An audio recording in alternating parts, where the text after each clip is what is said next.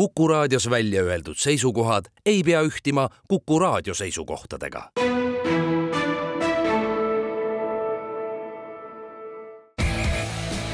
vutikohus. vutikohtul aitab pinget kruvida Pahv tere tulemast kuulama Kuku raadio jalgpallisaadet Vutikohus, mis on eetris igal neljapäeval ning mida juhivad Ott Järvela jalgpalliportaalis sokkernet.ee ja Andres Vaher Õhtulehest nagu ikka, saab meie saadet järelkuulata Kuku raadio koduleheküljel ja äpis Player ning samuti iTunesis, Spotify's ja Postimehe spordiveebis. nutikohus võtab igal nädalal jutuks aktuaalsed jalgpalliteemad ning tähtsamad kohtumised algab Vutikohtu kahesaja kolmeteistkümnes istung ning meie esimene saateosa kuulub eelmise nädala jooksul toimunud tähtsamate jalgpallikohtumiste lahkamisele. võtame sedapuhku esimeses osas ette ainult välismaised klubisarjad ning premium-liigale keskendume saate teises osas, aga alustame Premier League'ist ja alustame möödunud nädala jooksul maailmas, ma usun, kõige rohkem tähelepanu pälvinud jalgpallikohtumisest, see toimus pühapäeva õhtul Inglismaa Premier League'is, kui Chelsea ja Manchester City tegid neli-neli viigi. Muuseas, selle peale Inglismaal tekkis kohe arutelu, et noh, muidugi neli-neli viiki on ennemgi nähtud, et see on küll väga haruldane, aga see ei ole noh, midagi enneolematut, et milline on Inglismaa jalgpalliliigades tulemus, mida pole kunagi varem juhtunud? Ja leiti üles, et, et tulemused võeti siis muidugi noh, neli tippmist liigat, mille kohta on olemas korralikud arhiiviandmed ja ainult meestevõistlused ning tuvastati, et kaheksa, kuus ja seitse, seitse on kõige väiksemad skoorid, mida ei ole teada, et oleks ette tulnud. No ega siin palju puudu ei jäänud. Ja, aga ikkagi tegi muidugi küsimus, et Londoni Chelsea ja Manchester City, kelle peatreenerid Mauricio Pochettino ja Pep Guardiola mõlemad on ikkagi ju juhendajad, kes väärtustavad kontrolli, kontrolli sündmuste üle, kontrolli palli üle, kontrolli ruumi üle. aga kuidas juhtus niimoodi, et mõlemal läks see kontroll totaalselt kaotsi ja tulemuseks oli muidugi tohutult meelelahutuslik, tohutult äge mäng. ja aga, aga nad, nad, nad mõlemad tahavad seda kontrolli äh, saavutada äh, läbi väga sellise äh, noh, inglise keeles on selle kohta hea sõna, ma ei oskagi eestikeelset vastet sellele leida, inglise hästi hea sõna minu arvates, expansive. noh, et see on sihuke hästi nagu noh, nimet-, noh, nimetame see intensiivne, noh, kuigi see ei ole päris sama, aga selline jalgpall, ühesõnaga, et noh, üldiselt ikkagi kõrge pressing ja kui sul põkkuvad nii-öelda kaks sellist noh, tulekera, siis, siis süttibki kõik see, kõik, kõik see ja, ja nii, nii läkski. ja no, no tegelikult seda siis konkreetse kohtumise näitel selgitades, siis tõesti, mõlemad tegid kõrget pressi. eriti äh, minu meelest paistis sellega silma Manchester City, noh, mis neil on tavaline, tegid kõrget pressi, aga kui Chelsea suutis end selle Man City viie või kuue mehega tehtud kõrge pressi alt äh, vabaks sööta. ja nad üldiselt suutsid päris hästi, arvestades, kuidas tavaliselt seda meeskonna vastased suudavad. just, just ja, ja seal oli, oli oma roll nii muidugi keskkaitsjatel Thiago Silval e-, eelkõige, aga ka väravaht Robert Sanchez'el, kes andis mitmeid väga häid liine läbistavaid sööte.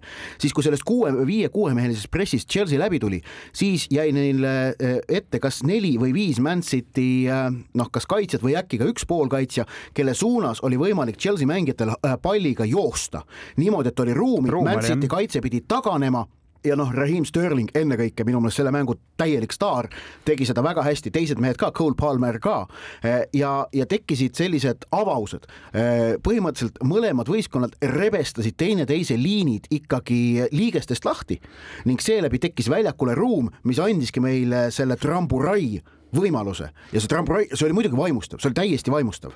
jah, et see on selline, äh, ütleme nii, et see oli siuke nagu klassikaline äh, vana aja jalgpallimäng, noh, sihuke hoogne, palju väravaid, aga, aga selles oli noh, mõlemalt poolt hästi palju ideed ja mõtet ja, ja no, no, no ta ei olnud päris selline malemäng, nagu me siin nägime, kasvõi näiteks, ma ei tea, Manchester City Arsenal, ma mäletan. see Arsenal Man City üks-null mäng, just. just, just, aga, aga, aga.... ei no see oli ka malemäng, aga, aga. no teistmoodi lihtsalt. jah, et kui Arsenal Man City oli selline mäng, kus kumbki peaaegu ühtegi etturit ei kaotanud, siis siin nagu etturid olid esimese poolega kõik platsi, platsilt läinud, onju, ja teisel poolel hakati vigureid ohverdama. jah, no mõlemal poolel löödi jah, neli väravat ja, ja mängus oli muidugi noh, kõvasti, kõvasti pöördeid äh, kuni, kuni lõpuni välja, kui siis juba näis jah, et, et Manchester City noh, tundus jälle, et Rodri on löönud järjekordse võiduvärava, seal oli muidugi õnne kaasas, aga see käib asja juurde, aga ikkagi lõpuks siis Cole Palmer, Manchester City enda mängija, kes nüüd siis suvel ja see oli kusjuures väga südamlik, kuidas kuidas Guardiola ja kuidas ta tegelikult noh, ta üldse meeskonnast lahkujatest kogu aeg räägibki niimoodi, et noh, mõni on selline natuke ninavingus ja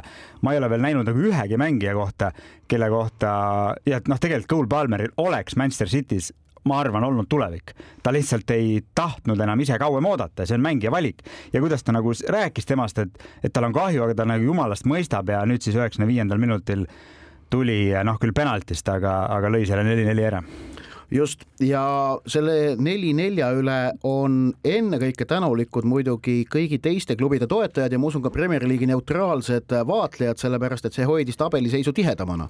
kuna Manchester City oli lõpuks ikkagi see meeskond, kes võidust ilma jäi, kuna nemad juhtisid seda mängu kolm korda, Chelsea ainult ühe korra. Ähm, äh, Man City edu Liverpooli ja Arsenali ees on nüüd üks punkt, Tottenham, kes on kaks mängu järjest kaotanud, kaotab Man City'le kahe punktiga, Aston Villa kolme punktiga.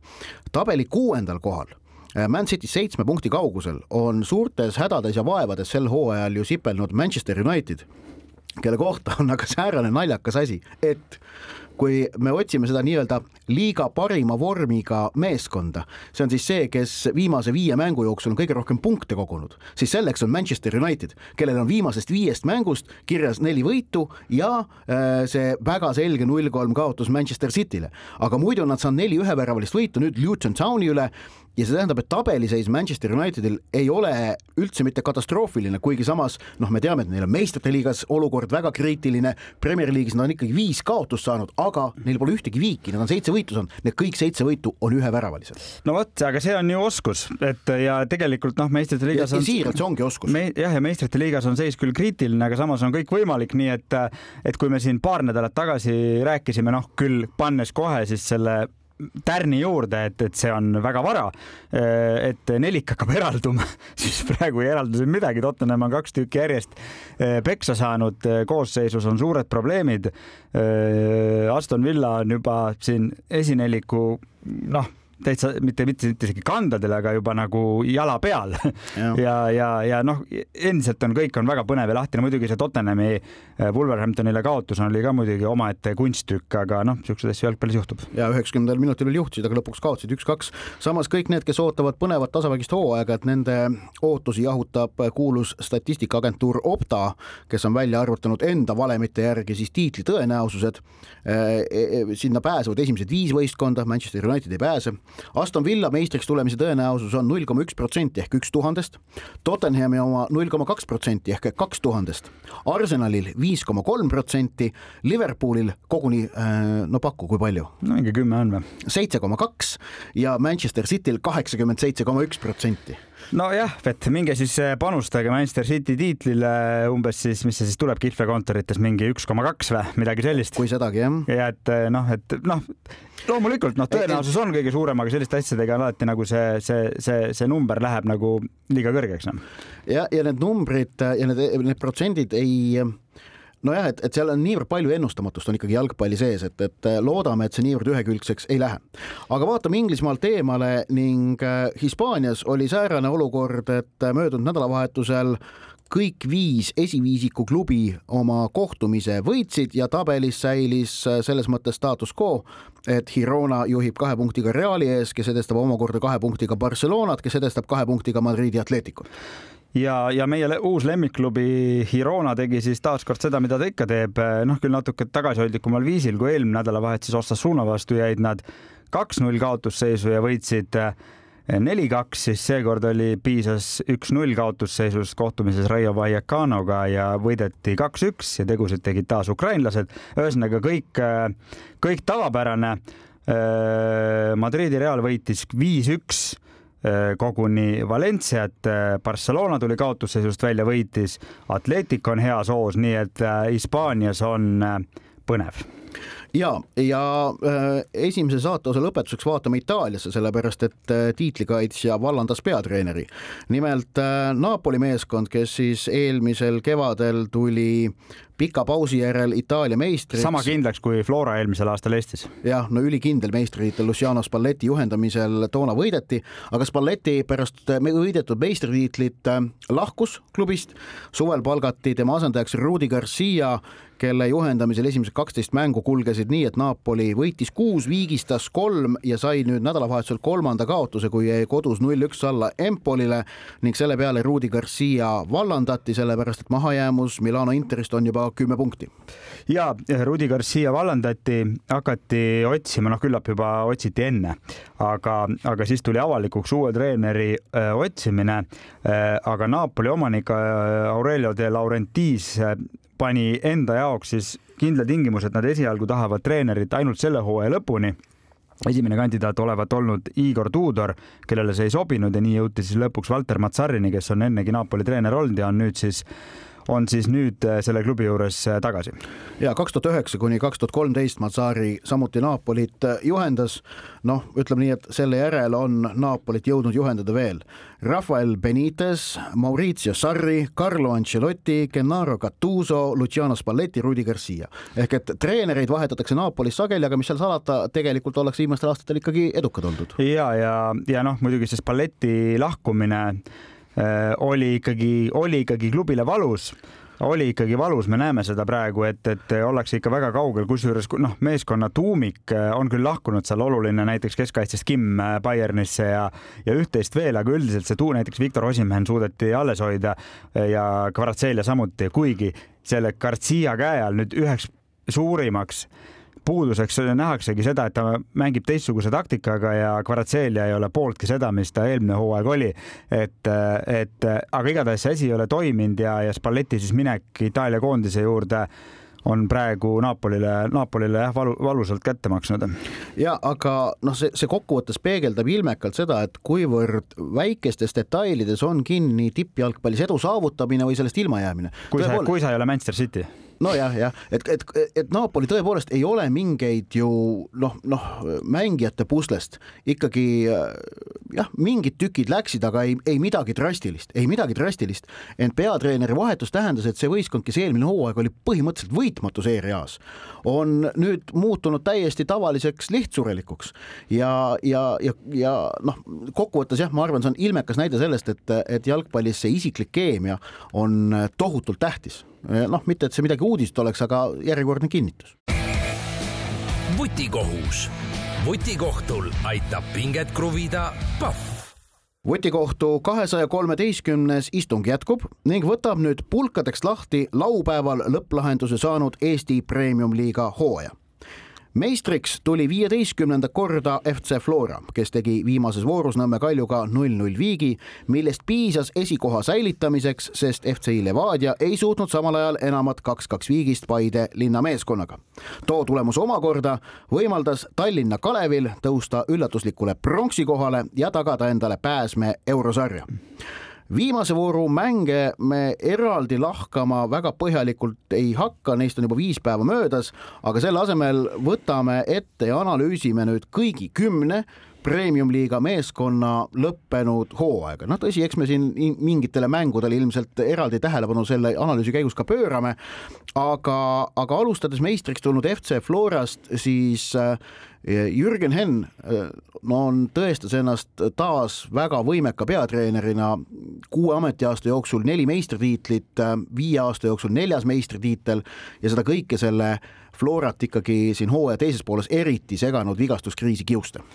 Ja no kindlasti see hooaeg, olgu ta siis see nagu tiitli, tiitli mõttes või mitte tiitli mõttes oli oli Hennile ja tema abilistele kõige väljakutsete eh, rohkem, noh, selles mõttes tulemus, see, mil, see, mille ta sealt lõpuks välja tõi eh, või nad kõik koos välja tõid, on muidugi siis sellele selline ilu, loo mõttes ilus puänt, aga isegi kui seda tiitlit poleks tulnud, noh, see ei oleks kuidagi muutnud selle hooaja keerukust. Ehk et, et just eriti siis see, mis, kus, kus olukorras, kuhu suvel kukuti, siis mille sisse siis mahtusid ka eurosarja mängud ja, ja vahepeal see üks periood oli ikka päris noh, Flora jaoks ikkagi nagu tavatu tavatu. no suvi läks ikkagi selles mõttes aia taha, et hakatuseks kaotati karikafinaal Narva Transile, mis, mis oli emotsionaalselt ikkagi väga valus ja ootamatu. siis läks eurosari aia taha kaks korda, esmalt meistrite liiga esimene eelring ja siis ka konverentsiliiga, kuhu kukuti, mõlemal puhul saadi noh, väga selgelt äh, kolki. tõsi, Poola ja Rumeenia meistrid ei olegi satsid, keda Eesti meister peaks suutma võita. aga lihtsalt mängulises mõttes nagu. ja, ja nördimus tekitas see ikkagi äh, kahtlemata Floras äh, ning, ning ka Premium-liigas tulid seal erinevad tagasilöögid, neist kõige markantsem üks-neli kaotus Narva Transile.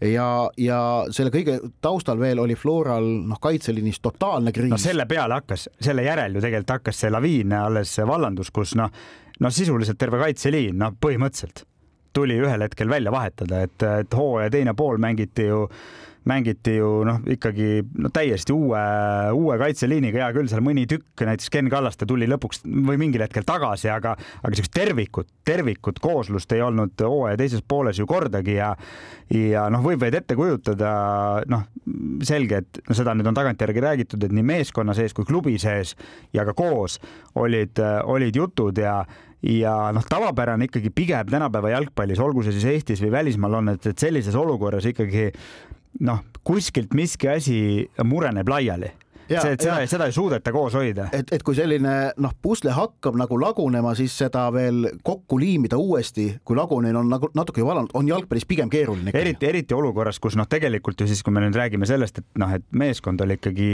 nende vigastuste tõttu nagu väga keerulises seisus, kui sa tuled nagu välja sealt, siis on sul kergem seda hakata kokku liimima, aga meeskond oli jätkuvalt nii-öelda noh, ikkagi nagu ribadeks tegelikult ja selles olukorras võtta see see nagu sisemine jõud ja tahe, siis ma ei räägi ainult Jürgen Ennist, vaid ka noh, see eeldab kõikide osapoolte eh, seda, seda nagu koosmõistmist. jah, koosmõistmist jah, ja, ja nad selle leidsid ja et see lõpuks sellise tulemuse tõi, noh.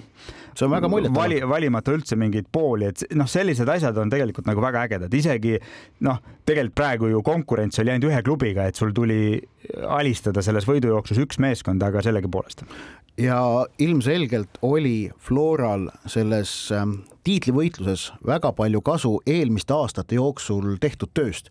see ladus ja kujutas endast tegelikult vundamenti, millele Flora sellel kriitilisel hetkel sai toetuda.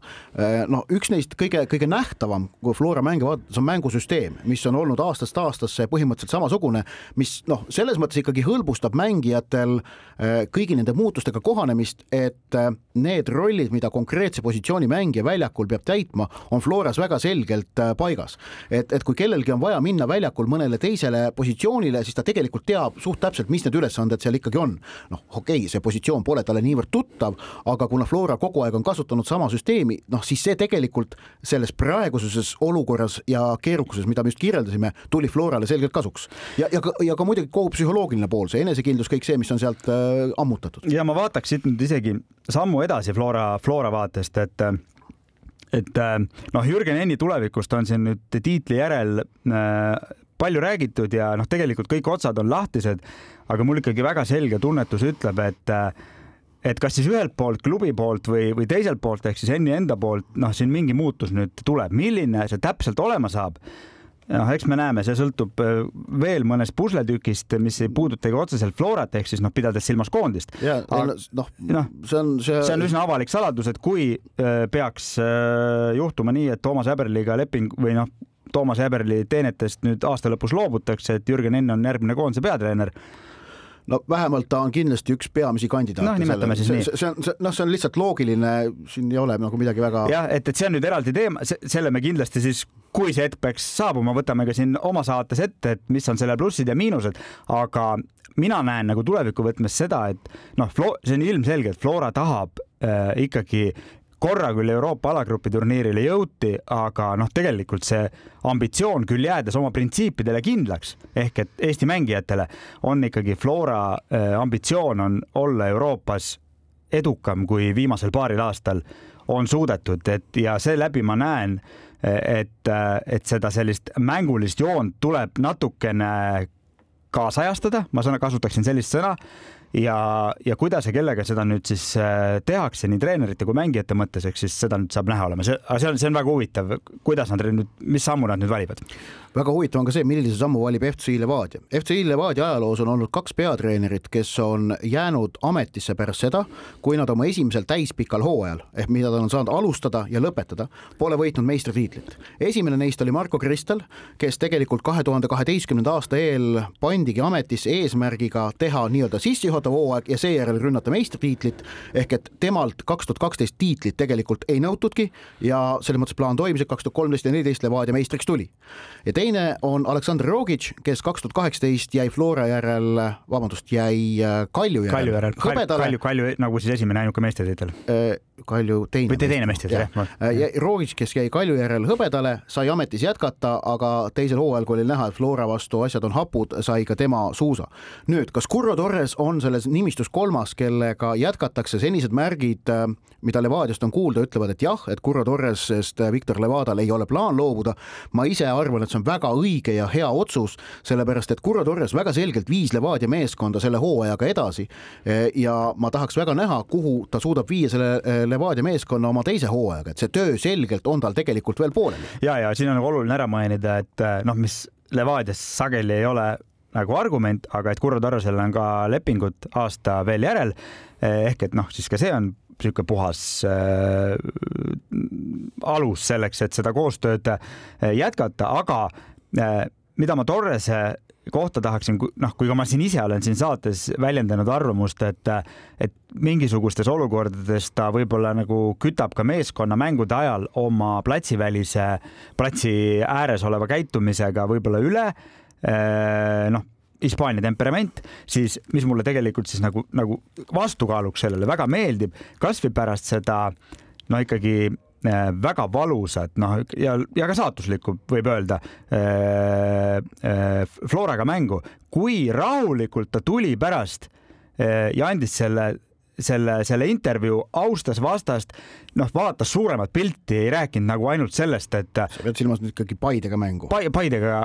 kaks-kaks viiki viimast vooru. ei, mitte, mitte viimast, seda eelviimase vooru mäng, kes nüüd. kui nad võitsid Florat. kui nad, kui nad, kui nad võitsid Florat ja rääki-, jah, vabandust, ajasin natuke sassi, et kui ta vaatas seda, seda, seda üldpilti, oli ju selge, et noh, nad võitsid, aga võtmed ei olnud endiselt nende käes ja noh, ta nagu ei rõhunud üldse sellele umbes, et, et Floral ei peaks nagu, ta rääkis nagu üldpildis, et ise ütles juba siis, et isegi kui me meistriks ei tule, eh, et me oleme teinud nagu noh, normaalse hooaja, et ja, mulle, mulle, mulle lihtsalt sümpatiseeris see, kuidas ta rääkis. pärast viimast mängu, kui nad Paidega tegid kaks-kaks viigi, kus nad jäid null-kaks kaotusseisu, noh, neil oli, oleks nad võitnud, oleks nad meistriks tulnud takkajärjel tarkus, kuna mm -hmm. Flora ei suutnud võita. tõsi, seal omakorda, kui Levadia oleks juhtima läinud, mine tea, Flora ja, oleks ja. mänginud oma mängu teisiti, noh, võib, aga, aga Torres ei otsinud vabandusi, ei otsinud vabandusi ei, ei kohtunike prohmakates, mitte milleski muus, põhimõtteliselt ütles ta, et tabel ei valeta ja, ja et noh, järelikult oli, oli vastane parem selle kahe punkti jagu, mis on ka, mis, mis on väga küps suhtumine, mis on ka õige suhtumine, nii lihtsalt ongi.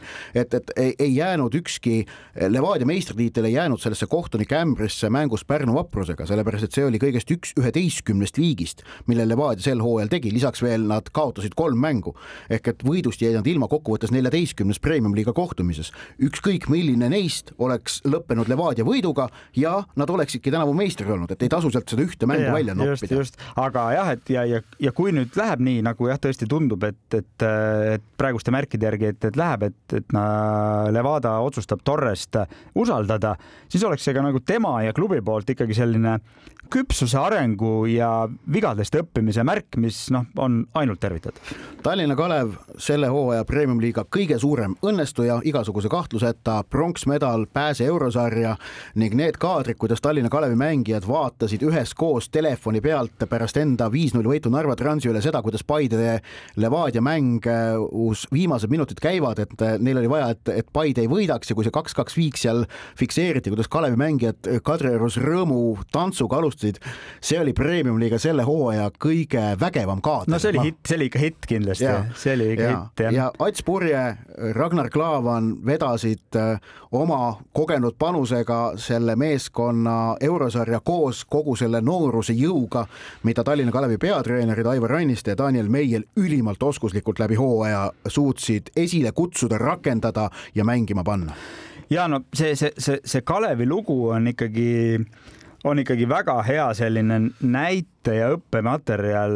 no ma ütleks, et kõikidele Eesti klubidele, kes nagu tahavad siis toimetada noh, siis sellisel klassikalisel ja edukal klubi printsiibi alusel, et. see on inspiratsioon ja,. jah, jah, absoluutselt, et, et kuigi noh, selles praeguses esindusmeeskonnas need, kes ikkagi mängivad noh, sellist nagu vähegi ka noh, olulist rolli, et noh päris oma kasvandikke on seal paar-kolm tükki nagu päris algusest peale.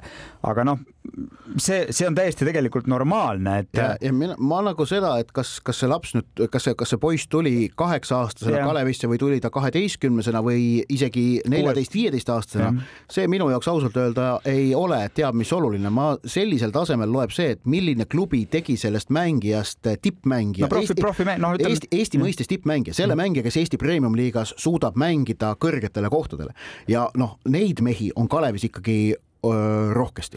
ja, ja no ja ikkagi si siinkohal on ka sob-, noh, ja minu arust ka paslik ja ka vajalik ära öelda, et Tallinna Kalevi kasvandikud on ju ka sellised mängijad nagu Maksim Baskotši, Martin Vetkal, Rocco Robert Shane, kes ja, jah, aga samas, samas Shane'i kohta me võime öelda, et nii-öelda tippmängijaks sai ta hoopiski Floras lõpuks. jah, aga nojah, no see on nüüd, kus sa tõmbad piiri, aga no ei saa ju öelda, et Kalevil ei ja, ole, ei ja, ole panust nagu. muidugi ei ole, just, aga see on nagu näitlik äh, näit-, näide selle kohta, et see, et, et ühte mängijat võivad oma kasvandikuks nimetada ka mitu klubi ja, ja ilma, ilma et, ilma et, et seal oleks mingisugust konflikti või, või ausalt öelda, et emb-kumb valetaks. ja aga jah, et selle hooaja kontekstis kahtlemata noh üks võlu ja võtmesõna siis korraga on ikkagi meeskonna väga oskuslik komplekteerimine äh, sest seda. väravavaht Oskari Forsman oli selle, oli selle hooaja premium-liiga parim üleminek äh, ma ei, jah, noh, niimoodi on, noh, jah, võib-olla, võib-olla niimoodi on väga raske öelda, aga jah, tervikuna võttes, et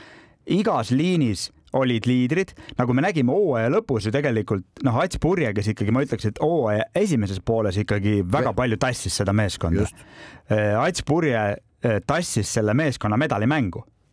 siis sai vigastada ja, ja, ja teised vedasid edasi. jah, et hea küll, tema asemel siis äh, ründaja kohal alustanud Aleksandr Šapovalov ei löönud küll Äh, väga palju väravaid, aga noh, kui sa oled ikkagi esiründaja ja lõpuks tuleb see tulemus sellisena, ühesõnaga see, see kooslus äh, noortest ja vanadest, siukseid nii, niinimetatud keskealisi mängijaid oligi seal nagu suhteliselt vähe, aga väga hästi komplekteeritud meeskond, väga hea tööeetika ja kogu see, kogu see klubi filosoofia. õhkkond oli väga positiivne ja toetav ja, ja see mängis ka väga tähtsat rolli. jah, ja, ja, ja noh siit nagu ainult edasi ja noh, võib olla täiesti kindel, et ehkki nüüd Euroopasse pääseti ja võib-olla ka siis selle ajal võib-olla Kalev teeb lihtsalt et eh, noh, kui sul on selleks noh, võimalus ja vajadus korraga, siis sa võib-olla mingid väiksed lükked teed, see on arengu normaalne osa, aga hulluks Kalev kindlasti ei lähe, jääb kindlaks oma eh, oma põhimõtetele ja, ja, ja see ongi tegelikult pikaajalise edu eh, vundament ja alus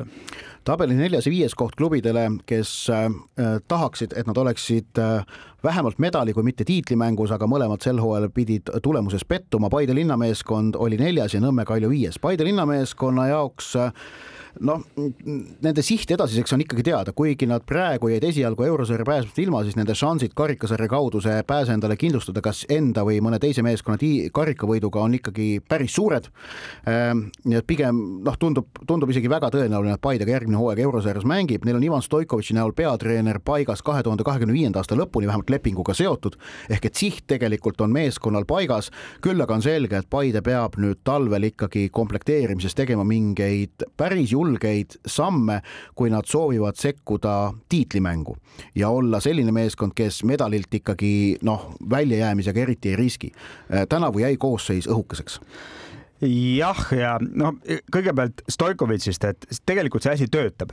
Stoikovitši punktisumma pärast äh, ametisse asumist äh, on liigas teine noh, kui võtta puhtalt see periood, noh, loomulikult nii ei saa alati võtta, vastased on erinevad ja kõik muud asjad, aga midagi see siiski näitab. midagi see siiski näitab ja näitab ka see, et noh, mäng hakkas tööle.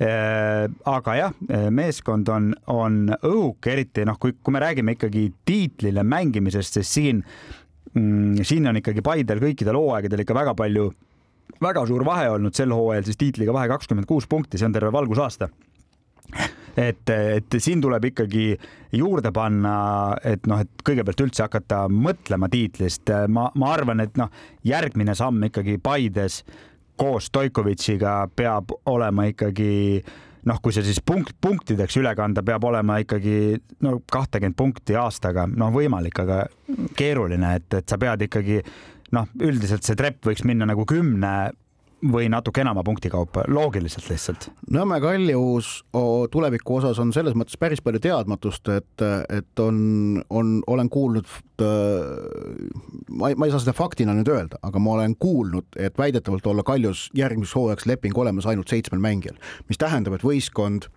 korraldatakse talve jooksul kas ümber või vähemalt on seal omajagu segadust. et peatreenerina jätkab Nikita Andreev, tundub tõenäoline, noh, ausalt öelda ei ole nagu loogilist põhjust, miks Kalju peaks temast loobuma ja kust võtta keegi parem.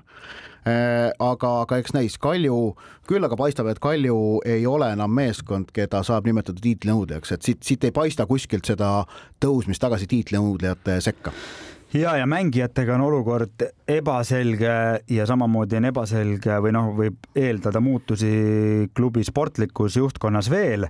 ehk et noh, lihtsalt Kalju on praegu sellises nagu maa ja taeva vahel. aga kui me, kui me Paide puhul räägime teoreetilisest võimalusest sekkuda tiitlimängu, siis Kalju puhul tuleb esialgu rääkida sekkumisest tagasi medalimängu jah, ja ka see on väljakutse, see on tegelikult väljakutse Kalju jaoks, ma arvan. nii, siis äh, kui Tallinna Kalev oli õnnestuja number üks, siis ma äh, nimetades neid võistkondi, kes tegid premium-liiga hooajast kaks tuhat kakskümmend kolm sellise põneva ja haarava, siis Tallinna Kalevi kõrval teine võistkond, kes selle eest vastutas, oli Pärnu Vaprus eesotsas peatreeneri Igor Prinsiga kes äh, hooaja lõpuks jäid küll, või noh, vabandust, tulid küll kuuendaks, ehk et see, kuigi ka nemad olid pikalt ju medalimängus sees ja siin said mõelda Euroopa koha peale ja, ja nõnda edasi, aga ka kuues koht Pärnu vaprusele väga suur õnnestumine ning äh, välja teenitud autasu ja auhind kannatlikkuse eest, mida klubi on tegelikult eelnevate aastate jooksul ilmutanud, äh, kasseeriti sisse dividendid Äh, nende mängijate usaldamise eest kes nüüd sel hooajal kandsid äh, raskust ja kandsid selle raskuse välja. eelmistel hooaegadel päris mitmed samad mehed olid premium-liigas armetult viimaseks jäänud meeskonnas ja said selle oma need mänguminutid kätte ja olid nüüd selleks premium-liiga hooajaks valmis ja et äh, kaunis äh, harva nähtav Eesti liigas on äh, ja võib-olla isegi esmakordne on see, et kuuenda koha meeskond kaotab pronksmedali viie punktiga see on harukordne, seda pole kindlasti varem juhtunud kunagi. Seda tuleb ette tippliigades vahel, aga Eestis mitte. kaksteist võitu, kaksteist viiki, kaksteist kaotust, sellised väga ilusad numbrid eh, hooaja lõpetuseks ja kui sa ütlesid, et eh, Oskari Forsman oli hooaja parim üleminek, siis ma ütlen, et Igor Prins oli hooaja parim üleminek. ja no treeneritest, treeneritest nõus. ma tean, ma teadsin, et sa nii reageerid, aga, aga, aga vot see on, see on nagu hea näide, kuidas äh, mm, mõnikord treenerite lükked kas õnnestuvad või ei õnnestu ja nendel ei olegi võib-olla mingisugust põhjust või otsest loogikat.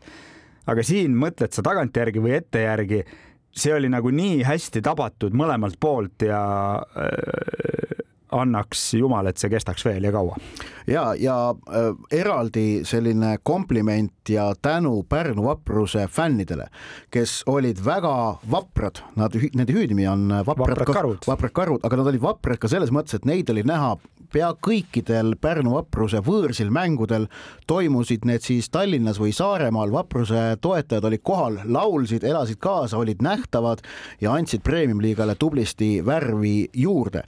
Äh, nüüd noh, Pärnu, mis, mis on Pärnu meeskonna edasine siht, et, et noh, tegelikult see on ikkagi sellise, esmalt ütleb loogika, et ikkagi selle premium-liiga keskmikuna, keskmikuna endast, enda stabiliseerimine. järgmine, järgmise hooaja eesmärk on püsima jäämine no see no, on selline, noh, noh, ma arvan. no siit... muidugi miinimum, aga ikkagi nagu noh, no, no, no, no pigem püsimajäämine kui medal, noh jah, seda, seda kahjuks ilmselt küll. no nii on lihtsalt. nii on, see on reaalne seis ja, aga, aga samas noh, jällegi ka see hooaeg on ka Pärnul inspiratsioon, et miks nad ei võiks unistada kõrgelt, et võib ja peab mm. -hmm. ja, ja mis mulle, mis ma tahan veel öelda, mis mulle väga meeldis, on see, et Pärnust, kes ju võis veel mõned voorud enne lõppu ka noh, reaalselt mõelda medalist ja mõtleski küllap kuskil, siis, siis see juhtmängijate reaktsioon pärast seda, noh, see, et nad on lõpuks on kuuendad, kui sa vaatad seda hooaega, see oli võimalikult madal, kõige nagu reaalselt võimalikult madalam koht, aga kuidas nad nagu selle hooaja eest olid kõigile tänulikud, positiivsed, et kahe jalaga maa peal võistkond, täiega. just seitsmes koht FC Kuressaare, kelle jaoks oli siis võrreldes eelmise hooajaga muidugi tõsi küll tagasiminek matemaatiliselt võttes, sellepärast et eelmine hooaeg nad olid viiendad. tõsi, punktisumma osas oli tagasiminek väga väike, see nagu näitab ka premium-liiga tänavust hooaega seda iseloomu ja Roman Kožuhovski no ta suudab endiselt seda, seda meeskonda käimas hoida, ka minu meelest näitasid seda eriti hästi hooaja viimased mängud, kus Kuressaarel tegelikult ei ole, ei olnud enam mitte millegi peale mängida, aga Harju vastu tuldi kaotusseisust välja, saadi viik, vaprust võideti mängudes, kus vastasel oli kõik kaalul, aga Kuressaarel mitte midagi. ja eh, seda küll, aga kui nüüd mõelda nagu olukorras, kus siin paarteist klubi on, on juurde pannud ja siis noh, eelkõige Vaprus ja Kalev, siis vast paneb see natuke Kuressaaret mõtlema oma nagu pikema plaani, isegi mingil moel ma ütleks identiteedi üle.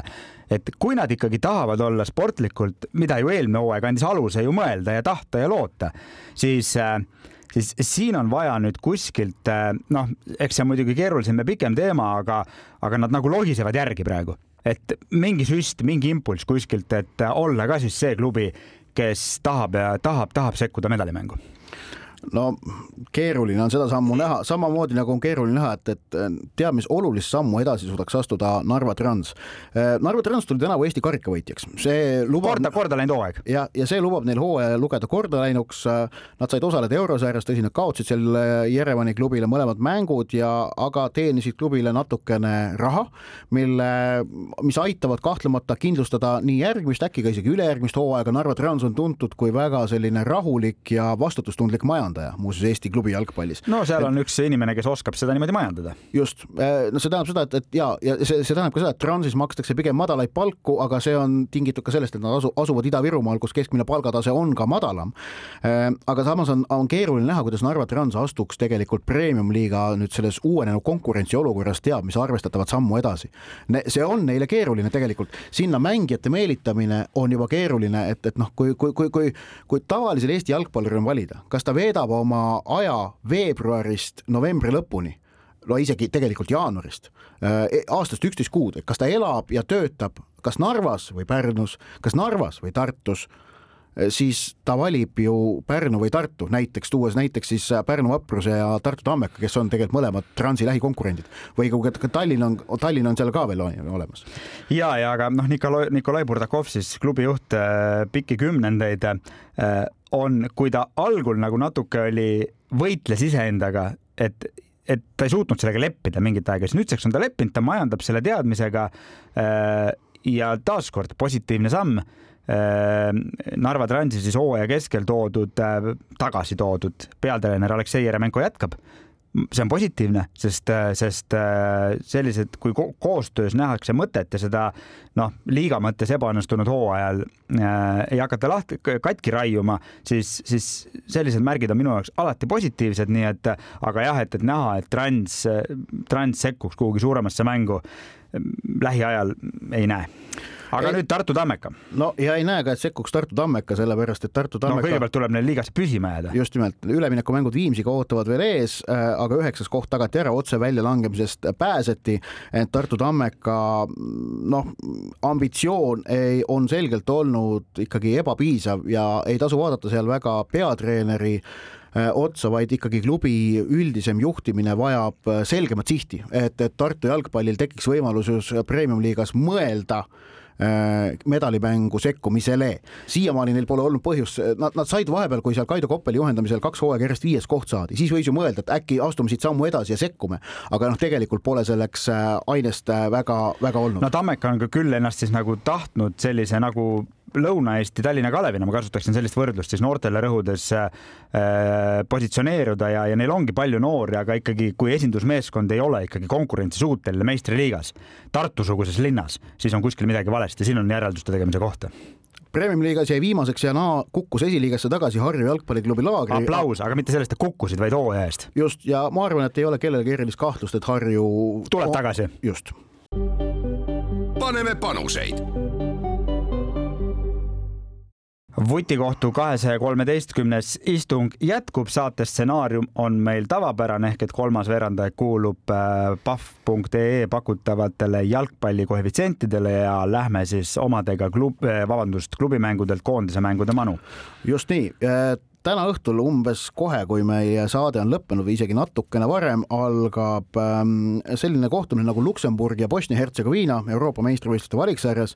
Bosnial on kõik lootused kadunud otse edasi pääseda, aga Luksemburgil on need veel noh, moel või teisel natukene olemas ja seetõttu ma arvan, et Luksemburgi kodumängu võidu koefitsient kaks koma seitsekümmend viis pole üldse mitte paha, sest et tegelikult Luksemburgil on tekkinud ka väga selge koduväljaku eelis. kuna meeskond ja koondis on olnud edukad, siis neil on täiesti olemas noh, tekkinud Luksemburgi Luksemburgi jalgpallile on taha selline toetav kogukond, nende mängudel käiakse, elatakse kaasa, eh, on näha natukene sarnast eh, asja, nagu Fääri saartel on tekkinud ja, ja noh, Bosnia on kindlasti selle kategooria meeskond, kes on emotsionaalne, kes nagu, no. kes nagu reageerib sellistele asjadele, kui midagi mängus ei ole, nii et see on päris isegi hea pakkumine. siis reede õhtul mängib Moldova kodus Albaaniaga. Albaania šanss EM-ile jõuda on väga hea, aga Moldovale on see viimane valikmäng ning nad võitlevad ka enda šansi eest ning noh, oleks täitsa ahvatlev pakkuda ka Moldova võitu, aga pakun sellist asja, et Moldova kodus Albaaniale ei kaota koefitsient üks koma üheksakümmend kaheksa nojah, siin on nüüd see, et tegelikult Moldoval oleks vaja see mäng võita, neil nagu viigist ei piisa, noh, kui mõelda nüüd edasi, edasipääsu võtmes, et, et see kindlasti sellele, puhtalt sellele tulemusele jätab pitseri. et äh, ei, ma arvan, et Albaania võidab selle mängu millegipärast. ja reede õhtul on ka väga tähtis kohtumine samas alagrupis, kus vastamisi Poola ja Tšehhi. Poola peab kodus võitma, kui nad tahavad EM-ile otse peale saada see võit ei taga neile veel seda, aga annaks võimaluse, ma arvan, et Poola võidab selle mängu koefitsient kaks koma kolmkümmend viis. see Poola mäng viimasel ajal nii kõikuv, kõik need treeneri vahetused, et pff, ma ei, no bet. jah, nii. no bet mäng on. mina pakun siis hakatuseks homsest õhtust selline kohtumine nagu Itaalia, Põhja-Makedoonia saavad taas kord kokku suhteliselt olulises faasis ja Itaalia võtab ennast kokku, võidab selles mängus mõlemad poolajad koefitsiendiga kaks koma viis nojah, nõus, kui, kuigi neil see koll, tuletan meelde, Põhja-Makedoonia oli sats, kes nad eelmise aasta MM-ilt kõrvale jättis. sellepärast ma seda meenutasingi sellepärast ma seda meenutasingi. siis äh, võib jalgpallisõber üles jääda, vaadata öösel jalgpalli Lõuna-Ameerikast. Kolumbia ja Brasiilia mängivad. no? siin lüüakse väravaid, mõlemal poolajal vähemalt üks, kaks koma neli. mõlemal poolel lüüakse vähemalt üks värav. no mõlemal, ühesõnaga mõlemal poolel lüüakse värav. see on küll väga kõrge koefitsient. no vot no vot. ja siis äh, laupäeval mängivad Holland ja Iirimaa no.. Äh, ja siin ma siis jälle jään siis sellele väravate lainele. Holland lööb värava mõlemal poolajal, kaks koma null. Holland võiduga tagab edasipääsu. jah. paneme panuseid vutikohtu kahesaja kolmeteistkümnes istung alustab oma viimase osaga ja vaatame nüüd veel natukene põgusalt otsa nendele koondise mängudele, mis eesoleva nädala jooksul Euroopa jalgpalliväljakutel toimumas on. Eesti koondise mäng Austriaga on meie saate eetris oleku ajaks juba lõppenud Lillekülas, aga Eesti koondise valiksarja viimased kaks kohtumist, millest teine on siis pühapäeval võõrsil Stockholmis Rootsiga, me võtame kokku vutikohtu järgmises saates ja vaatame siis üldse otsa, mis Eesti jalgpallikoondisele tulevik on toomas. aga EM-valiksarjas on veel ikkagi üpris palju asju lahtised. praeguseks on Euroopa meistrivõistluste aastaste finaalturniiril endal koha taganud üheksa koondist. Need on korraldaja Saksamaa ning valiksarja kaudu Belgia, Prantsusmaa, Portugal, Hispaania, Šotimaa, Türgi, Austria ja Inglismaa. mis tähendab, et valiksarja kaudu on veel jagada kaksteist pääset. Need leiavad siis järgmise nädala jooksul endale omaniku ning viimased kolm pääset jagatakse välja kevadistes sõelmängudes, kus kõigi eelduste kohaselt on üheks osaliseks ka Eesti meeskond. tõsi, äh, väga mm, raske kergete vastastega ja võõrsil mängudega, nii et eh, šansid on küll tagasihoidlikud, tõsi, nad ei ole olematud. aga vaatame põgusalt otsa alagruppidele kus siis veel midagi mängus on ja midagi lahtine on. nagu öeldud, kui Holland võidab laupäeval Iirimaad, siis on nad EM-il ja Kreeka äh, jääb öö, äh, otsepääsmist ilma. jah, no ja siin veel lisada see, et isegi kui Holland ei võida Iirimaad, siis Kreekal on ees kodumäng Prantsusmaaga. mille nad peaksid võitma. mille nad peaksid võitma ja Hollandil on äh, üks, üks mäng siin veel varuks, nii et, et no ühesõnaga Holland on põhimõtteliselt ikkagi edasi. just, C-alagrupis on teise koha nimel konkureerimas konkureerimas ähm, Ukraina ja Itaalia ning kõigi eelduste kohaselt nende koondiste omavaheline mäng kahekümnendal novembril. igal juhul otsustab. igal juhul otsustab selles mõttes, et isegi. lahtine on lihtsalt see, mida ta, mida kellel vaja on. ja seda küll, isegi kui Itaalia peaks Makedooniale kaotama, siis kuna esimene omavaheline mäng Itaalia ja Ukraina vahel lõppes äh, kas viigiga vist, igatahes, igatahes Itaalia ei kaotanud seda mängu. Itaalia võitis kaks-üks. noh, et ühesõnaga siis isegi Itaalial võidust, lihtsalt jah, sõltub siis sellest, kas Itaalial selles mängus on vaja viiki või võitu. lihtsalt siis, kui Itaalia võidab Makedooniat, peab, peab, peab, peab Ukraina alistama Itaalia, kui Itaalia Makedooniat ei võida, siis Ukrainale piisab Itaalia vastu ka viigist. igal juhul siis viimase mängupäeva üks maiuspalasid. ja väga tähtis mäng on tulemas Riias, seal juba käivad Äh, ja see tuleb juba siis ülehomme laupäeval, seal on juba Lätis käivad jutud, kuidas pileteid hangeldatakse ja müüakse võltspileteid ja nõnda edasi, sellepärast et Läti võõrustab Horvaatiat.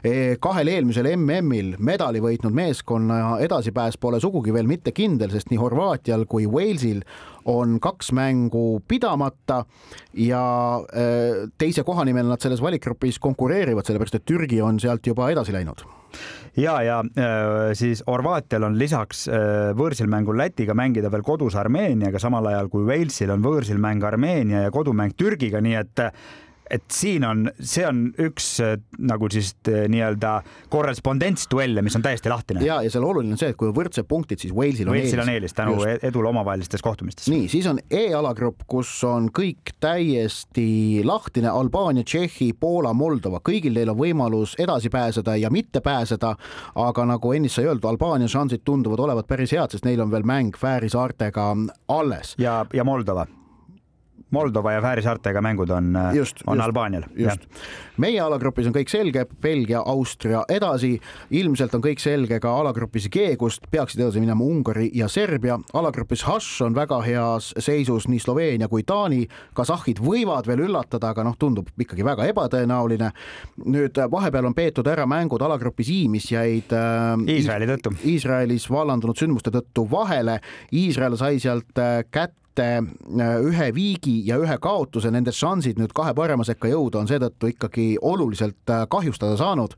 no samas oleme ausad, Iisraeli mängijad ja peatreenerid on nentinud, et, et jalgpallile on praegu keeruline keskenduda. ilmselt on Šveits ja Rumeenia minemas EM-ile ning viimases J-alagrupis Portugal on koha taganud, Slovakkia ja Luksemburg võitlevad teise edasipääsu koha eest ja Slovakkial on suur eelis. ja Slovakkia edestab siis praegu Luksemburgi viie punktiga, ees on mängud Islandi ja Bosniaga, nii et äh, siin on ikkagi Slovakkial üsna vormistamise küsimus.